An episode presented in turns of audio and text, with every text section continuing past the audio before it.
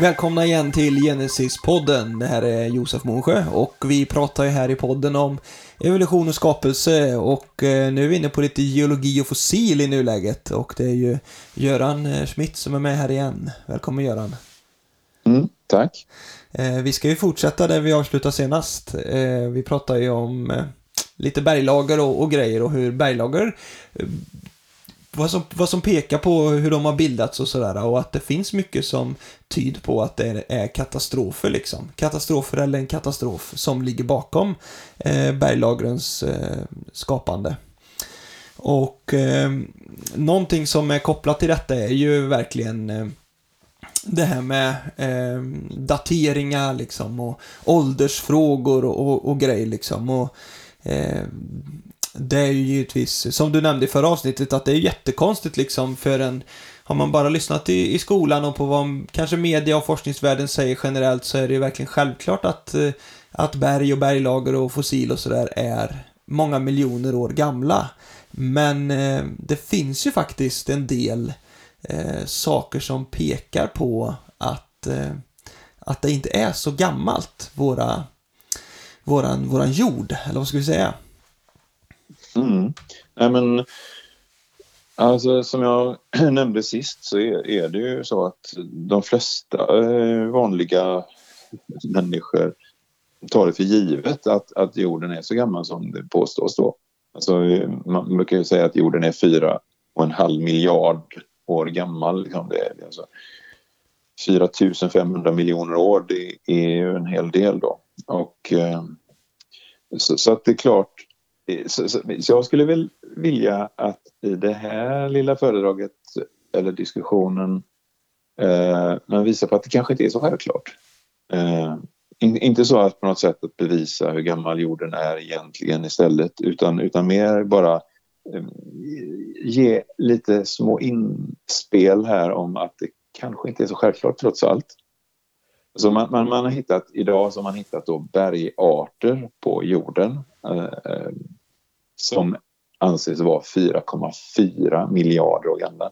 Det vill säga de är i stort sett lika gamla som, som eh, själva jorden är eh, näst intill då. Man har hittat det i Kanada och Australien bland annat. Man har tittat på något som heter zirkoner, det är små, ja, men, små ädelstenar som man kan säga som innehåller ett grundämne som heter zirkonium där och där, där, där har man då eh, daterat de här till 4,4 miljarder år.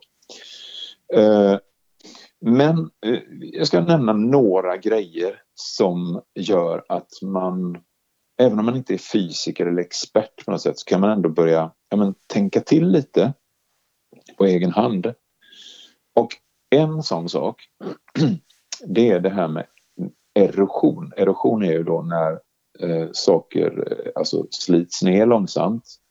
Eh, alltså eh, bergen eh, speciellt eh, alltså sedimentärt berg, det, det vittrar sönder ganska fort. Alltså av, frostsprängning och, och, annat, men även granit och all, alla bergarter vittrar sönder liksom, över tid.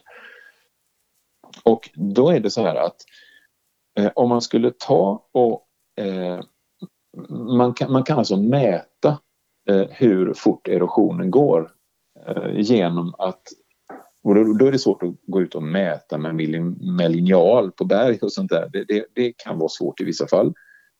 Men, men däremot så kan man göra så att man mäter hur mycket sediment som kommer ut från eh, floderna, eh, jordens floder. Alltså man mäter helt enkelt, man tar en liter vatten och så sen så kollar man efter hur mycket sediment finns det? Alltså hur många milligram sediment finns det i varje liter vatten?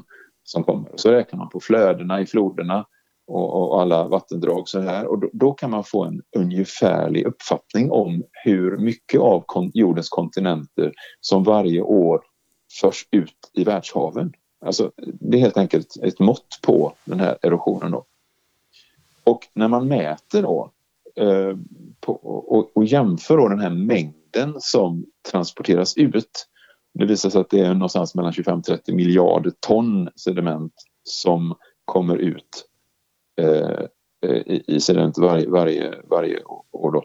Och så räknar man och jämför det med hur stor mängd som det finns av själva kontinenterna. Då när man räknar på det så, så visar det sig att då kan inte jordens kontinenter ha hållit på att eroderas mer än 10, någonstans mellan 10 och 14 miljoner år. Alltså, alltså på 10, mellan, någonstans mellan 10-14 miljoner år så skulle jordens nuvarande kontinenter ha jämnats med havsytan. Eh, och, och det, det, är en helt vanlig, eh, så att säga, enkel beräkning när man väl vet mängder och sådär. Och det är klart då framförallt då om man skulle tänka höga berg, va? de måste ju försvinna ännu mycket fortare än det liksom. Ja, mm, jo men visst är det så. Men jag menar, du, om du tänk dig själv, du bor i Falköping eller någonstans va? Precis, eller yes. där. Ja. Och där finns Billingen. Och där finns eh, ja, de här andra Vi har Mösseberg och Olleberg, ja precis. Ja, exakt. Och, då, och då, titta, alltså de berglagren som är där, eh, de här kalkstenslagren, de säger man då är fy, mellan 4 och 500 miljoner år gamla. Eller hur? Ja. Och då kan man säga, men hur kan de finnas där då? Eh, hur, kan, hur kan de finnas kvar om de är så gamla? Om, om hela jordens alltså, kontinenter skulle ha malts ner på 14 miljoner år, hur kan då de här bergen som är 400-500 miljoner, 500 miljoner år gamla finnas där? Alltså hela, hela, om vi säger så här, hela Västergötland är då en, ja, det är ett slättlandskap helt enkelt med, med bördig jord. Men under den så ligger, ligger det något som kallas för det, det, alltså, där ligger urberget då, det kambriska peneplanet kallas det, som då är eh, tre, det är tre miljarder år gammalt, brukar det heta då. 3000 miljoner år är det som du kör på när du kör på motorväg E20 där. Men så tänker man, vänta nu, det här berget som är under motorvägen här nu, det är alltså 3000 miljoner år gammalt. Okej? Okay? Men om nu hela jordens kontinenter kan erodera bort på 10 miljoner år, hur kan det då ligga där? Det är en grej som jag tycker att varje lyssnare bör ta och fundera på en liten stund. Men, men vad svarar man då från liksom allmän vetenskap, forskare? Mm. Sådär? Nej, Säger man alltså, att det varit mycket jag, mer förut då? Liksom? Att bergen var men, högre? Ja, men man, kontinenter man, man, var högre? Ja, men man tar naturligtvis in, självklart då att, att land har en höjning av kontinenten också då. Alltså, så, men, men, men det visar sig att alltså den där, om, om man tittar efter vad det är för siffror som anger alltså landhöjning och sånt där. Och det är framförallt de stora bergskedjorna som höjer sig i någon högre takt idag då. Men, men, men det är bara en, en ja, men det kanske handlar om 10-20 procent av erosionshastigheten. Erosionshastigheten är så mycket högre än vad den hastigheten är.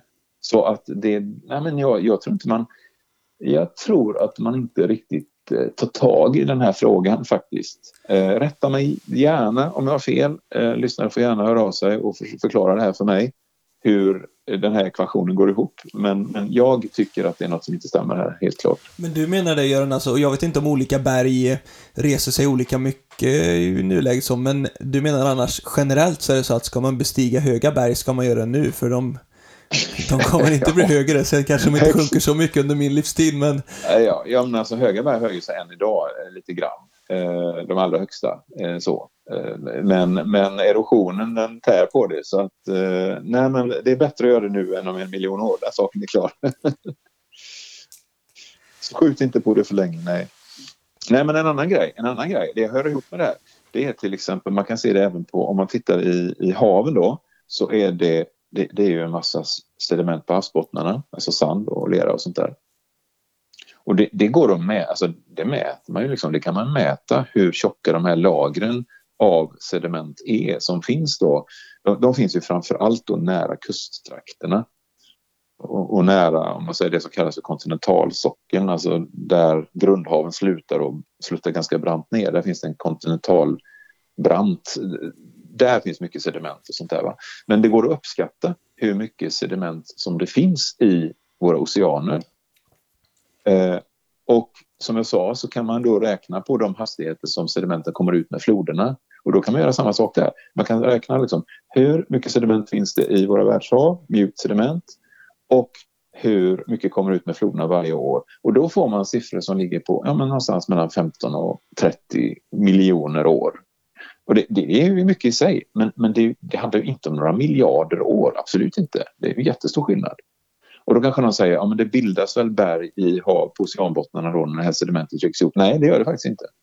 Det, det, man kan inte iaktta att det bildas sedimentärt berg av de här eh, eh, lagren på oceanbottnarna. Det, det händer inte. Utan det är nog mer när de lyfts upp på land då, då kan det cementera då. Nej, så det är en sak. En annan sak som har med havet att göra det är det här med alltså salthalten i havet, eller i praktiken alltså metalljoner. Salt det är ju natriumklorid och natrium är en metall. Och man kan mäta då eh, joner som natrium och som nickel och andra metaller i, i vilka mängder de förekommer i flodvattnet.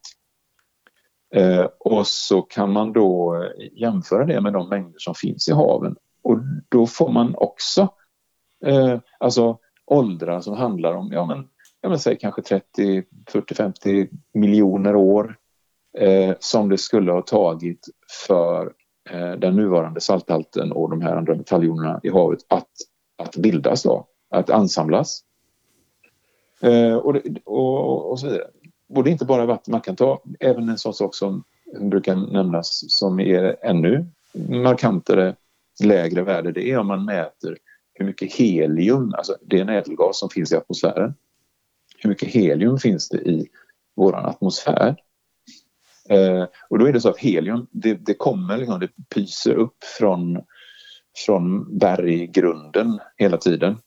Eh, därför att det, det, finns ju då eh, som tung, tyng, tungmetaller som uran och sånt där som sönderfaller och så blir det alfapartiklar och det är helium egentligen och då tar de åt sig ett par elektroner så blir det helium som pyser upp ur berggrunden hela tiden.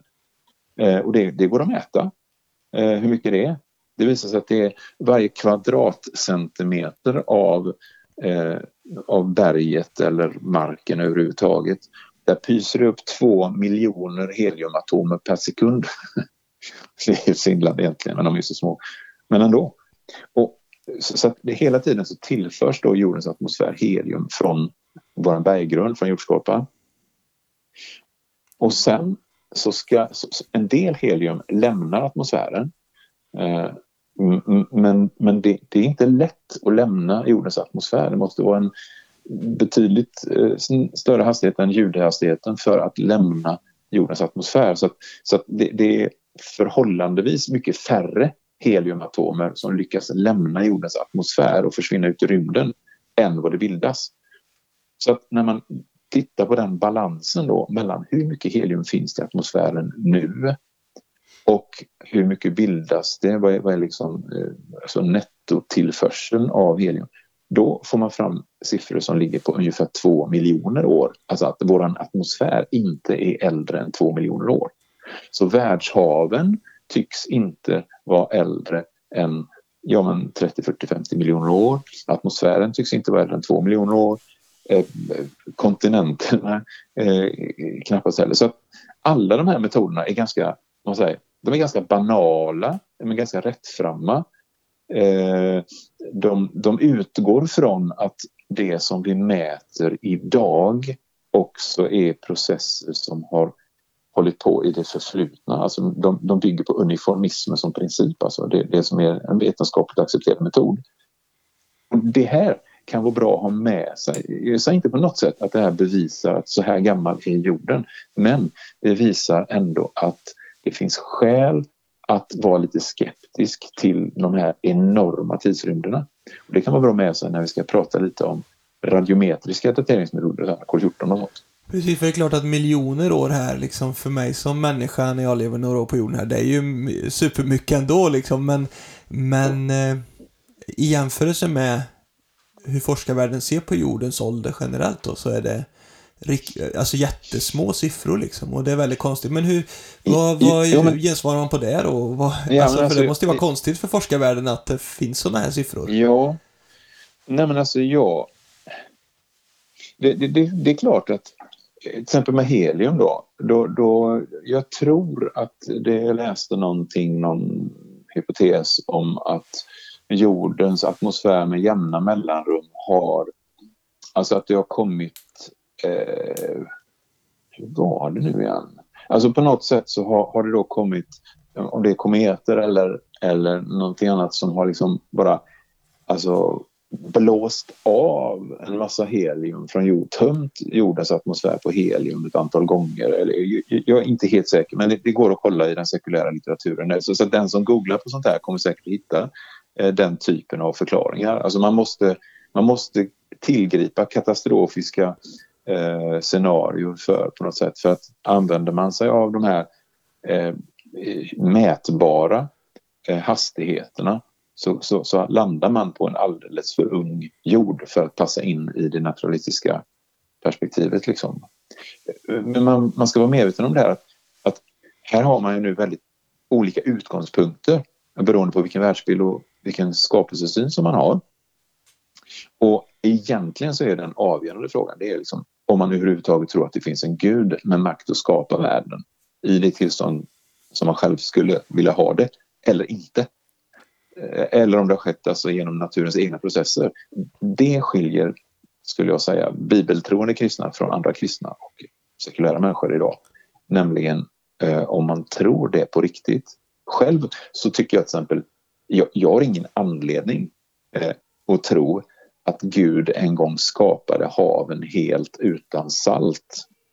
Utan, utan jag tror faktiskt att han skapade liksom en marin fauna redan från början och att det fanns rejält med salt red, redan då när Gud skapade. Då, va? Så där, därför tror jag inte alls att det behövs några årmiljoner för att saltvattnet ska bli vad den är idag utan jag tror att Gud faktiskt skapade eh, oceaner med eh, rejält med salt i. Då. Och jag, jag tror och det kommer vi att prata om i ett annat program, men jag, jag tror på den bibliska syndafloden som alltså utsatte eh, den, den, den där jorden som reste sig upp ur vattenmassorna som hade väldigt mycket mjukt sediment. Alltså den erosionen som blev där skjutsade ut enorma mängder med sediment i världshaven eh, så att de sediment som ligger där idag härstammar i stor, till stor del ifrån en katastrofisk händelse så att de behöver inte alls ha bildats under så lång tid som de skulle ha gjort om de bara kom ut med vanligt flodvatten så att säga. Så att, och jag, jag, kan inte se någon anledning heller till att, att, det måste ha varit så att det inte fanns något helium i jordens atmosfär från början när Gud skapade eh, den då. Så att, så, så, att det finns många eh, saker här som, som gör att jag tror inte ens på de här mm, miljontals åren utan jag tror det finns skäl till varför de också ger så högt värde. Liksom. Så tänker jag. Just det. Och eh, alltså en sån här fråga, nu, nu går jag lite utanför manus här gärna så vi får se vart vi landar mm. liksom, men det här med kontinenter liksom, forskare generellt då, hur, hur tänker man sig att de här, för att det är mycket sådana här sedimentlager då som bygger upp våra kontinenter. Och så säger du att, att de, de eroderas ju ner liksom väldigt snabbt. Men ändå så tänker ju forskare generellt att nej men de har på något vis ändå varit under vatten någon gång i tiden. Eller alla, alla sedimentlager bildas väl under vatten? Det, det råder väl ingen tvekan jo, på det? Jo, men, men, men det gör det. Sen, sen, sen så finns det en, en annan sån här orsak till, till, till att man tänker sig att eh, sedimenten i haven skulle försvinna. Det är ju det här med eh, eh, kallas för subduktion, alltså att man tänker sig eh, att jordens, alltså havsbottnarna till exempel består av sådana här kontinentalplattor. Och så sen så kan en platta liksom dyka in under en annan platta och, och, och då skjutas ner där inunder och så försvinner då sedimenten, tänker man sig, ner eh, i underjorden och så går den in i ett kretslopp igen. Eh, så att det finns en kretsloppstanke med alla sediment, att sedimenten bildas, erosionen ger sediment, sedimenten trycks så småningom, de lagras på, på havsbottnarna och sen så trycks de ner i jordens mantel och så smälts de och så blir det graniter och annat som trycks upp och så blir det erosion igen och så sen så håller det på ett, ett evigt kretslopp då. Det, det är liksom eh, den, eh, det perspektivet som, som, som man har då. Skulle, eh. skulle det pressa upp liksom nya kontinenter också då? Ja, genom, eh, genom när, när då två plattor eh, krockar med varandra så blir det ju då bergskedjeväckning då. Va? Och när en eh, platta trycks in under en annan så blir det liksom ett område med mycket vulkanism där och så kommer det upp lava och så blir det nya bergformationer. Eh, nej, men alltså det, det finns liksom ett helt scenario, geologiskt scenario kring Alltså, det blir mycket kretsloppstänkande här då. Va? För jag menar, men, vi, men, vi ser ju inte så mycket, jag kanske har dålig koll nu, men vi ser ju inte så mycket nya kontinenter som verkar dyka upp. Eller liksom hav, havsbotten kommer väl inte upp? Nej, du har det. Nej, samtidigt så förväntas det ju vara så långsamma processer så att man kanske inte skulle förvänta sig det heller. Men du har ju till exempel den mittatlantiska centralryggen alltså med, med vulkanism uppe vid Island där. Det, när jag var liten så blev det en ny ö där som bildades som heter Surtsey till exempel. Eh, så, så, så, att det, men då är det ju vulkaniska grejer liksom. Men stora jo. delar av våra kontinenter är väl sedimentärt berg, alltså det som bildas genom... Ja, ja men precis. Och då, men men då, då handlar det mycket om till exempel krock, krockande eh, vad heter det, krockande sådana här kontinentalplattor då, som till exempel Himalaya bildades när den indiska plattan krockade med den asiat, euroasiatiska, eller så där brukar det heta, och så skrynklades eh, då eh, Himalaya upp och så motsvarande med de andra stora bergskedjorna. Och eh, jag tror verkligen att, att de här processerna är, jag menar, de har verkligen ägt rum. Det är bara frågan om hur lång tid tog det och hur länge sedan var det. Och det, det, är, lite, det är sånt lite grann som, som är eh, lite spännande utmaningar därför att det finns då eh, scenarier som inte räknar med de här enorma tidsrymderna som, som eh, sekulära geologer gör utan, utan bibliska geologer som räknar med att det här är, är, är saker som eh, har hänt på mycket kortare tid. Men det är spekulativa saker från alla håll. Det finns många sekulära forskare som faktiskt inte tror på kontinentalförskjutningsteorin. Det, det, det, det tror man ju är, är något självklart men det finns en ganska utbrett motstånd mot det även inom sekulära kretsar. Man hävdar att inte, evidensen för det inte alls är så stora som man brukar höra. Men, så att hela det här området vi pratar om nu är jättesvårt. Det handlar om att lägga pussel, det handlar om att försöka förstå saker som hände i en tid när mm, det inte gick att, att, att se. Det fanns liksom inga ögonvittnen till det. Oavsett om det var ett bibliskt scenario eller ett evolutionärt så fanns det inga som kunde se exakt vad som hände utan man får spekulera och gissa och lägga pussel. Precis. Vi får lämna det där. Det kanske var lite utanför manus här nu, men våra lyssnare får ta det. Men vi skulle prata lite om radioaktiva eh, dateringsmetoder också, eller hur?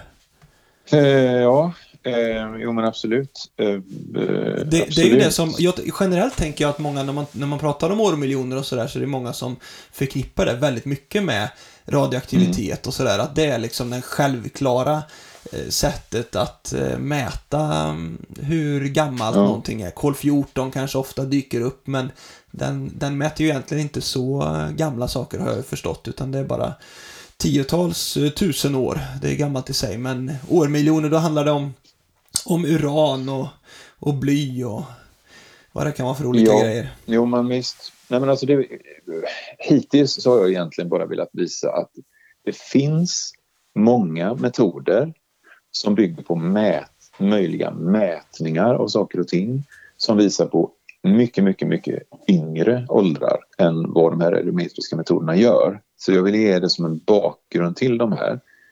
Eh, de enda metoderna i stort sett som ger de här åldrarna det är de här radiometriska och om man ska den som de flesta känner till är kol-14-metoden och kol-14-metoden är en metod som, som bygger på att det finns ett, en radioaktiv variant av kolatomer då som, som eh, med, ja, men sönderfaller spontant. Och så kan man genom att då mäta hur mycket kol-14 som det finns kvar så kan man då eh, avgöra hur, hur pass gammal den är. Och den här metoden används eh, mycket för att datera historiska föremål. Så eh, när det handlar om, eh, ja men till exempel man, man tittar på medeltiden och man tittar på eh, ja, men för, företeelser i historisk tid, då kan man använda den metoden. Men den metoden går inte att använda för att datera ett fossil eller datera en, ett, ett, lager i berget eller sådär. Därför att eh, kol-14 sönderfaller så snabbt så det går liksom inte. Alltså, om hela världen hade bestått av kol-14 för en miljon år sedan så hade det inte funnits något kol-14 kvar överhuvudtaget att mäta på. Så att det, det, det sönderfaller så snabbt då. Men kol-14 är bra därför att den kan man kalibrera mot verkligheten. Man kan ta ett ben som ligger i en grav och så kan man läsa vad det står på gravstenen och så mäter man hur mycket kol-14 det fanns i benet och sen så kan man eh, ja, men då kan man rita en kurva som visar hur, hur kol-14 sönderfaller. Så den är bra på det. Men de här metoderna som man använder för att datera berg och fossil och sånt, de är, funkar kan man säga efter samma princip men eh, de har extremt mycket långsammare sönderfall. Så, sådär då. Och de funkar ungefär, om man ska försöka förstå hur de funkar så, så är det, man kan tänka sig liknande vid ett timglas, ett sånt där gammaldags eh, med sand i. Så, och så, så, att sanden i en övre behållare faller genom en smal liten eh, kanal och så ner i en undre behållare. Och så, sen så, ja, så kommer man in i ett rum när man ser ett timglas stå och rinna där. Så Eh, kan man ju bilda sig en uppfattning då om hur länge som det här timglaset har stått där och runnit till, från det att någon vände på det då. Eh, och, och, det är sant. Och det, de här metoderna funkar på ungefär samma sätt. Det som är i övre behållaren det skulle man kunna kalla det för moderelement som till exempel någon viss isotop av uran. Och det som är i nedre behållaren det är då Eh, ett dotterelement som någon isotop av bly till exempel. Och det som händer i, i det här mellanrummet emellan det är liksom att moderelementet sönderfaller då. Så eh, det, det, är en sorts modell man kan ha när man, när man ska avgöra då. Men om man nu kommer in här och ska kunna, för att kunna lita på det här timglaset så måste det vara ett slutet system. Vad menas det då? Jo, om man ska kunna komma in i rummet och se ungefär hur lång tid som har gått så behöver man vara säker på att det inte är någon som har varit och plockat bort sand från övre behållaren eller hällt i mer sand där. Eller att någon har varit och tömt den nedre behållaren. Eller sådär.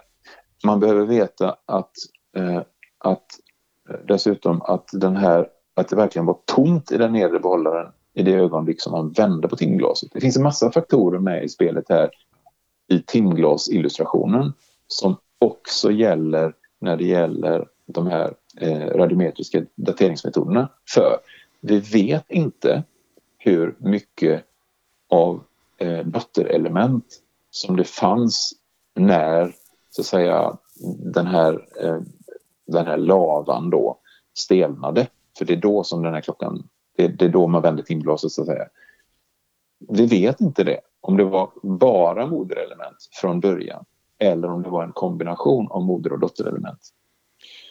Eh, det finns Eh, vissa saker som gör, det finns, finns eh, förutom det problemet att, att man inte kan veta de sakerna utan måste förutsätta vissa saker så är det till exempel så att när man faktiskt mäter på ett och samma lilla mineralkorn och använder olika sådana här radiometriska metoder, det finns en hel uppsjö av, av olika, eh, då får man vitt skilda eh, alltså resultat på dateringen om man har en liten sten där det finns olika mineral som till exempel granit innehåller ju både eh, jag menar, kvarts och fältspott och eh, vad heter det? Fälts, ja, biotit, vad heter det? Ja, äh, glimmer heter det. Och, eh, och om man då har en och samma metod och så mäter man eh, dels på det ena mineralet som, som finns i, eh, förlåt, i den här bergarten, menar jag, mineral, det finns olika mineraler i bergarten. Mäter man först på det ena mineralet, sen på det andra och sen på det tredje, ja men då får man olika åldrar med samma metod på samma sten. Men de borde ju rimligen ha bildats samtidigt. Eh, och Skiljer, skiljer det väldigt mycket alltså där då? Eller är det bara... Ja, det kan, det, det kan diffa jättemycket. Verkligen alltså. Vi snackar 50 procent, 70 procent. Eh, så det kan vara, vara stora differenser. Det, det, det, går att hitta mycket exempel på, på, på sådant. Och det är klart, det skulle i så fall då vara ett argument för att det finns uppenbara problem med... Ja, att, inte, att man kanske inte ska... För, för många gånger när, när man anger den här typen av, av äh, åldrar så anger det kanske, man kanske säger så här, ja men det här, det här mineralet är Ja, men det är 35 miljoner år plus minus 0,46 miljoner år. Det kan diffa lite liksom. Ja. ja, då får man intrycket att det här är en väldigt exakt siffra. Mm. Men, men den exaktheten som det där plus minuset avspeglar, det har med mätinstrumentets noggrannhet att göra. Alltså hur, hur noggrant man kan mäta kemin i, i det hela. Och, och, och, det har ingenting med pålitligheten skulle jag säga, av, själva dateringen som sådan att göra eftersom det finns en sån mängd med osäkerhetsfaktorer som är inblandade vid sidan av själva mätningen som sådan. Va? Eh, eh, det här visar sig jättetydligt om man tar berg med känd ålder. Alltså, eh, man vet att ett vulkanutbrott ägde rum då, säg 100 år efter Kristus eller för 300 år sedan eller för 10 år sedan. Alltså om man tar då eh, Eh, alltså magmatiskt eller vulkaniskt berg som, som bildades där man har facit, där man vet hur gammalt det är och så mäter man, eh, daterar man det med de här olika metoderna. Då får man ofta, även där då, eller eh, ofta, man får systematiskt åldrar som ligger på eh, miljontals år för berg som vi faktiskt vet inte är särskilt gamla. Eh, eller vi vet exakt hur gamla de är. Eh, sen kan någon hävda så här, ja men det finns metoder där man kan till exempel eh, ja, räkna bort det här med ursprungsmängder och så här och det finns något som heter isokronmetoden. Men även de metoderna ger den här typen av felaktiga dateringar.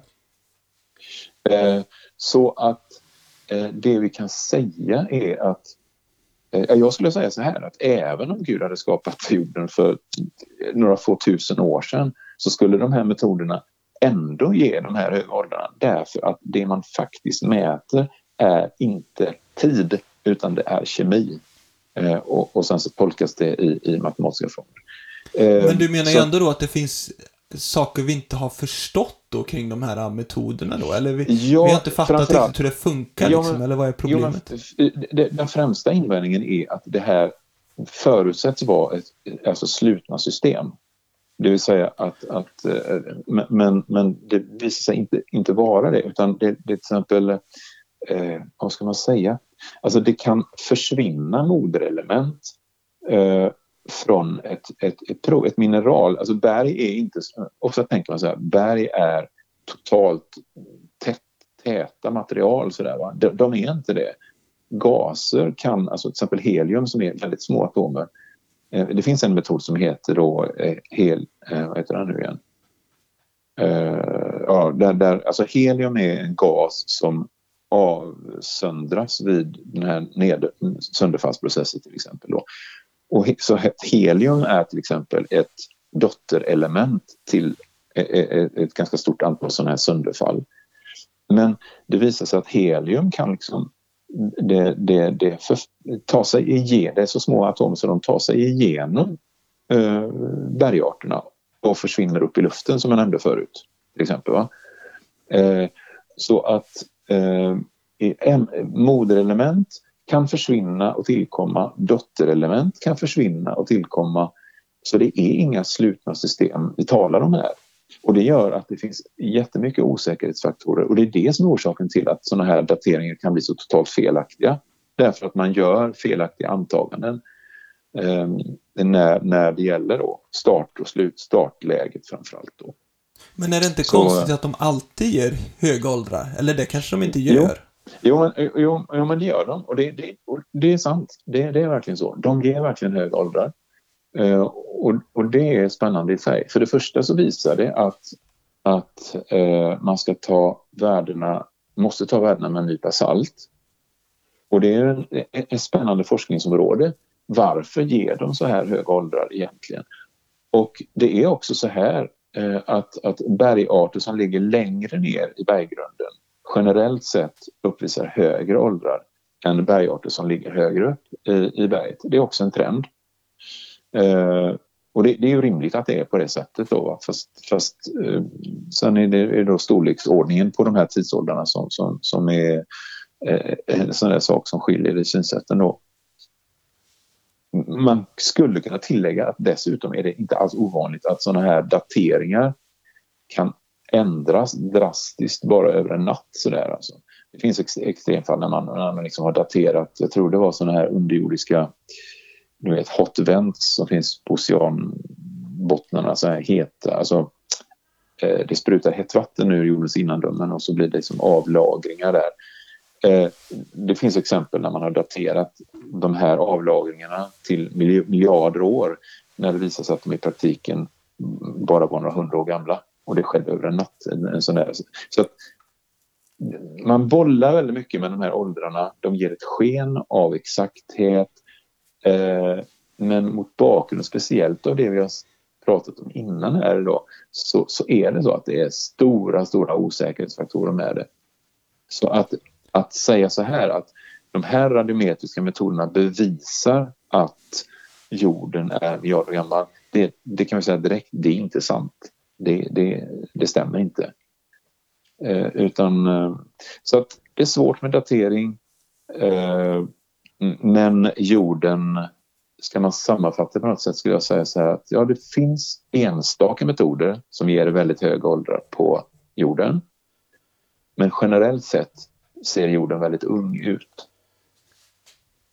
För, för det är ju en intressant fråga detta då att de här metoderna som du pratade om i början när man mäter salthalt och nickel och helium och vad det var. Är, är de uppenbart sämre än sådana här radiometriska dateringar? För det verkar ju som att de radiometriska dateringarna ja, är det som gäller. Nej, men det, det, ja, vad ska man säga? Alltså det är ju inga, egentligen som jag sa, det är, det är inga dateringsmetoder egentligen därför att de, ja det är ju det, de kan ge en sorts storleksordning eh, på åldern. Och den storleksordningen, oavsett vilken av de här metoderna man väljer, så, så, visar det sig att, att de, de stämmer väldigt dåligt med den, den, den så att säga, som man utgår från då eh, med 4,5 miljarder år och så vidare. Eh, så att... Eh, jag, glömde, jag vet inte om jag... Jag tror nästan jag glömde vad du frågade. Ja, men är de, är de sämre de här du pratade om ja. i början? Eller ja, det... men alltså det vet vi inte. Vi kan ju inte... Man kan, Kol-14-metoden kan vi ju kolla upp, som jag sa med, med en gravsten. Men, men, men uranblymetoden eller kaliumargonmetoden eller de andra, rubidium, strontium, alltså de heter, alla de här metoderna, vi har ju inget facit att jämföra dem med. Utan de värdena måste vi ju ta Eh, därför att eh, eh det, det, finns inga sätt att, att, att, verifiera dem på eller motbevisa dem på. Eh, så, på, på, samma sätt. Ja, vi får väl, vi får väl eh, landa här tror jag. Det är väl eh, slutsatsen någonstans blir att det finns mycket osäkerhet. Att den självklarhet som det här framförs med i, vad säger vi, sekulär vetenskap, den är, det är inte så självklart egentligen. Nej, jag skulle säga att det lämnar en, en, en dörr, det borde lämna en dörr öppen för att vi kanske har en ung värld. Eh, trots att vi är vana vid att alltid tänka på en oerhört svindlande gammal värld. Så tänk om det inte är så. Tänk om världen är ung. Det är en ovan känsla men ändå, jag skulle bara uppmuntra någon att kanske tänka så. Eh, att tänk, tänk om, kanske. Det är bra. Vi, vi landar väl där för idag, Göran. Är det något du vill tillägga? Absolut nej. sist. Du är jag, nöjd? Ja, nej, ja, jag tror inte det. Ja. ja. det är nog bra så. Man får skicka in gärna kommentarer och, och grejer till våran, eh, till våran mail. Podden at eh, genesis.nu. Så tar vi gärna emot lite kommentarer och frågor och respons på, på det som sägs. Och eh, håll utkik i våra sociala medier och annat eh, för saker som kommer framåt. Vi har väl nästa nummer av Genesis eh, kommer väl ut någon gång när detta avsnittet kommer ut. Kanske inte riktigt, eh, men... Ja, kommer i början av mars. Ja. Just det, början av mars. Och då handlar det om vad då? Då handlar det om lite spännande saker. Det handlar till exempel om istiden eh, i, ett, eh, i ett bibliskt perspektiv jämfört med, med andra sekulära förklaringar. Eh, det är en grej. Eh, sen handlar det mycket om eh, hur eh, eh, Eh, utifrån ett scenario där syndafloden faktiskt har ägt rum. Eh, vad hände sen? Eh, vad, vad hände med, med djur, växtlighet, mänsklighet som, som återetablerades på jorden efteråt och så vidare. Så det, det numret, liksom det förra numret, utgår från ett, det bibliska scenariet att syndafloden är en historisk händelse. Och vad bör det ha fått för konsekvenser? Och vad kan vi se i naturen idag som stöder den synen? Det, det, det är lite sånt. Spännande. Visst är det så Göran att det är ju inga dyra grejer va, utan man kan ju teckna en prenumeration på Genesis för 245 kronor. Om man är student ja. så är det enbart 145 tror jag. Ja. Det är ju så att även om man inte tänker då när man börjar att ja, men jag, jag ska inte prenumerera 10 år utan man kanske bara tycker att ja, men det här vore intressant att läsa lite om. Så kan man ju göra det och då går man in på en hemsida, genesis.nu, så finns det information där. Eh, jag ser fram emot att läsa kring eh, istiden och annat som kommer i nästa nummer och eh, hett tips, teckna en prenumeration och vara med och läs lite kring de här frågorna. Eh, och med det tar vi väl och avslutar det här programmet. Tack så mycket Göran. Mm, tack. Och ha det bra alla ni som lyssnar. Hej då på er.